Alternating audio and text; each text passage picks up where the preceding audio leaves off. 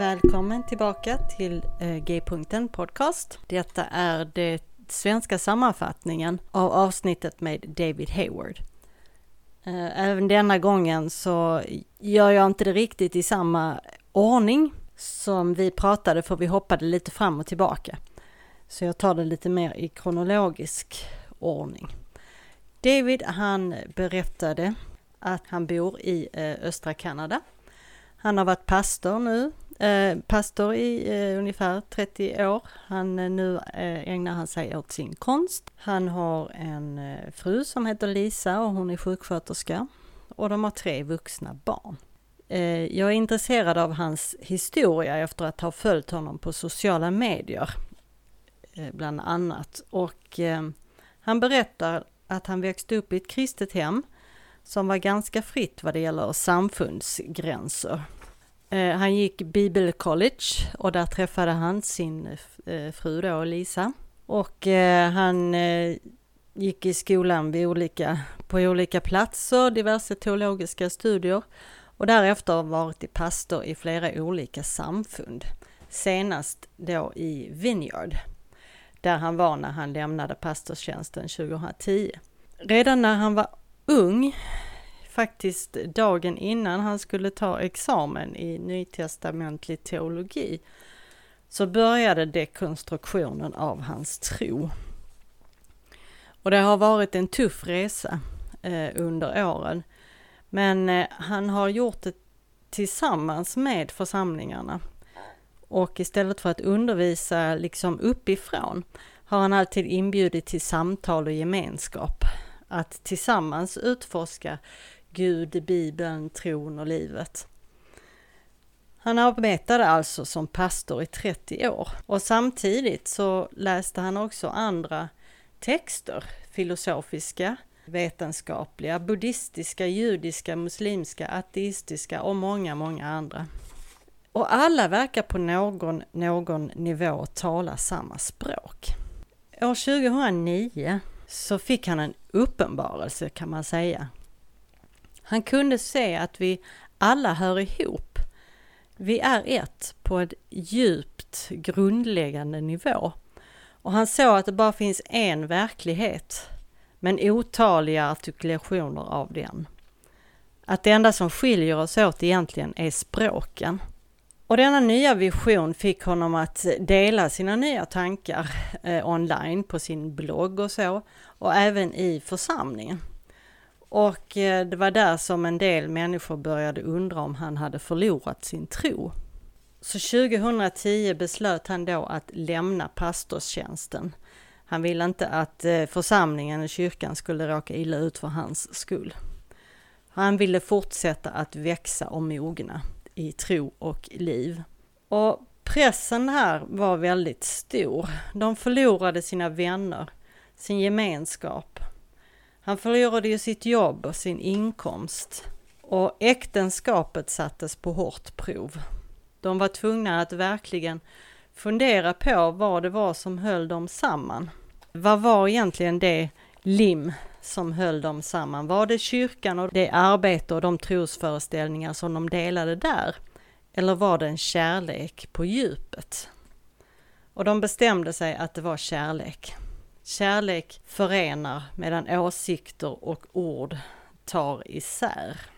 Så han säger att nu så, eftersom han tror att alla är djupt sammankopplade, att vi alla är ett, så försöker han artikulera och uppmuntra denna eh, enhet. Men han är också en som talar sanning till eh, makten och de som har makten i deras korridorer. Och han försöker att eh, tjäna, betjäna så många som möjligt nu in, istället för att göra det i en lokal församling så betjänar han nu människor runt hela världen. Eh, den största egentligen platsen på jorden som har de allra, allra flesta Naked Pastor-följare. De är i Sao Paulo i Brasilien. Han kallar sig alltså Naked Pastor som, eh, som konstnär då. Och eh, jag frågar eh, namnet var det kom ifrån. och det, det är ju inte för att han inte är påklädd utan det, han var väldigt, eh, väldigt påklädd och han säger att han är en ganska my, blyg person egentligen.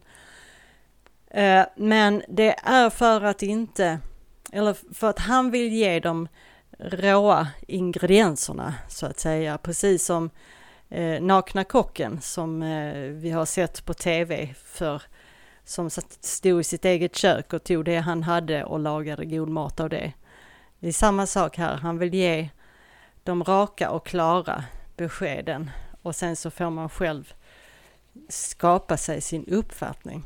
Han säger att jag kan skriva en blogginlägg på 3000 ord om olika saker. Men då orkar man kanske inte läsa. Men en bild säger ju mer än 1000 ord och det tar 10 sekunder att eh, ta till sig den. Så han, han vidgar vyerna och trycker på gränserna och utmanar vårt tänkande genom sin konst. Och han vill gärna skapa eh, samtal. Jag sa att hans, eh, många av hans teckningar kan verka ganska provokativa och att han säkert får en hel del olika reaktioner på det. Och det höll han ju med om. Och det är provokativt. Han vill utmana status quo och hjälpa människor som, eh, som kämpar under dogma av olika slag. Hans, eh, han säger ju ja att han får olika reaktioner och en del tycker att han är världens villolärare. Men många, många människor världen över blir hjälpta och eh, glada av hans konst. Jag säger att jag också älskar min mugg som jag har köpt. Eh, the Most Sincere Prayer heter den. Och så frågar jag den sista frågan som jag frågar alla. Var finner du njutning och välbehag just nu? Och han säger att han, eh, han älskar att ta långa promenader i skogen med sin fru. Att tillbringa tid med henne. Äta god mat, dricka gott vin, eh, umgås, eh, umgås med musik och, och så här. De tycker det är väldigt härligt när de vuxna barnen kommer hem och de får umgås på samma sätt. Så där finner han njutning och välbehag just nu. Så säger vi eh, tack så mycket och eh, välkommen tillbaka.